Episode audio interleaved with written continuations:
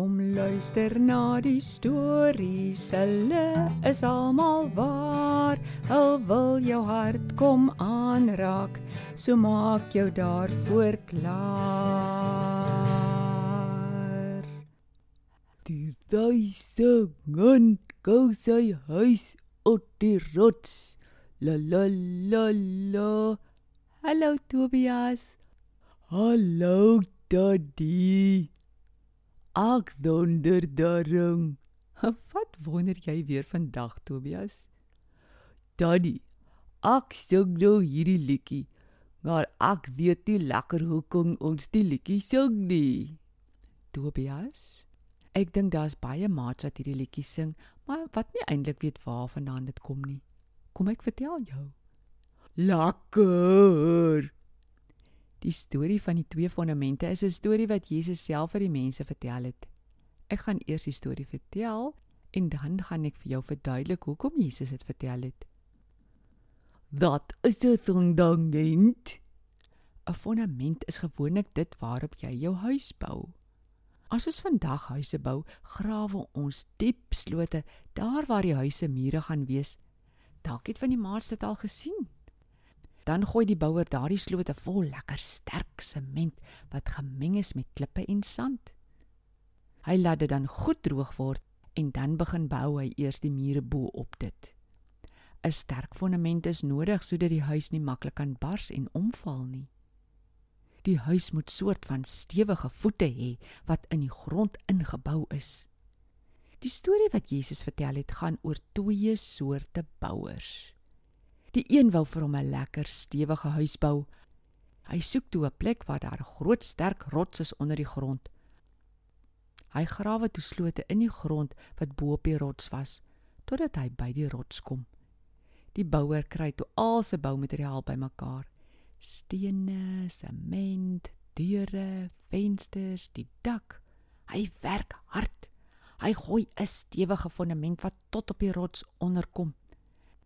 Elke dag word sy huis bietjie hoër en hoër totdat hy by die dak kom. Hy klim hoog op teen die mure en kap sy dak se houte baie stewig vas. Toe hy klaar is, is hy baie ingenome met sy huis. Hy gaan haal sy familie en al sy huisgoed en trek in. Hulle bly te lekker in die huis. Maar een aand begin die wind vreeslik waai. Hy waai en hy waai groot wolke nader. Die wind ruk aan die huis se dak en hoeke. Later begin dit reën. Dit reën, dit reën en dit reën. Dit reën so baie dat die water later in strome na die huis toe kom aanloop. Die strome raak al sterker en hoër en hoër. Ek dink sy vrou en kinders raak toe al banger en banger. Ek dink die kinders het gevra: "Pappa, sal die strome nie ons huis laat instort nie?" Die pappa antwoord toe: "Nee, ons huis sal nie instort nie want dit het 'n stewige fondament." Gaan die storie nog aan, Daddy? Ja, Tobias. Jesus vertel toe van 'n tweede bouer. Hy wou ook 'n mooi huis bou, maar hy was lui. Hy het nie 'n plek gesoek waar 'n stewige rots is nie en hy het ook nie diep fondamente gegrawe nie. Hy het ook al sy boumateriaal gebring, goeie sement en stene, mooi deure en 'n stewige dak. Hy begin bou die eerste dag sommer bo op die grond. Van ver af lyk sy huis of dit 'n baie mooi huis gaan wees. Hy werk ook hard. Elke dag word sy huis ook hoër en hoër totdat hy op 'n dag sy dak lekker stewig kan vaskap aan sy mure. Hy kyk na sy huis en dink, "Hm, wat 'n mooi huis." Hy gaan haal ook sy familie en hulle trek in die huis. En hulle bly te lekker in die huis. Maar een aand begin die wind vreeslik waai. Hy waai en waai groot wolke nader. Die wind ruk en pluk ook aan die huis se dak en hoeke. Later begin dit reën. Dit reën en dit reën en dit reën. Dit reën so baie dat die water later in strome na sy huis toe aankom. Die strome raak al sterker en hoër. Ek dink sy vrou en kinders raak al banger. Ek dink die kinders het ook gevra: "Pappa, sal die strome nie ons huis laat instort nie?" Pappa sê niks. Hoekom sê hy niks nie, Tannie? want hy weet sy huis is nie op 'n fondament gebou nie. Dit is sommer bo op die grond gebou. Ek dink net daarna het die man besef hy sal iets moet doen om sy gesin te red. Ek dink hy het vir hulle gesê om gou warm klere te gryp en uit te hardloop buitentoe voor die strome nog hoër word.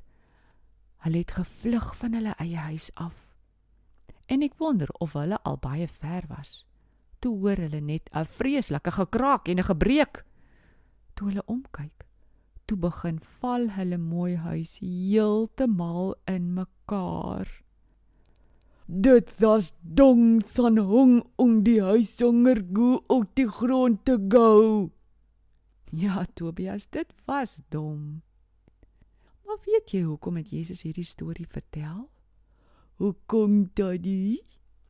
Jesus het gesê: "Dit help niks ons luister net na hom en doen nie wat hy van ons vra en vir ons so mooi leer nie. As ons net luister na hom of ons luister net vir die lekker na die Bybelstories en ons doen nie wat Jesus vir ons vra nie, is ons net soos daardie man wat sy huis sommer bo op die grond gebou het." Maar as ons luister na Jesus en ons doen wat hy vra, is ons soos die man wat sy huis op 'n stewige rots gebou het.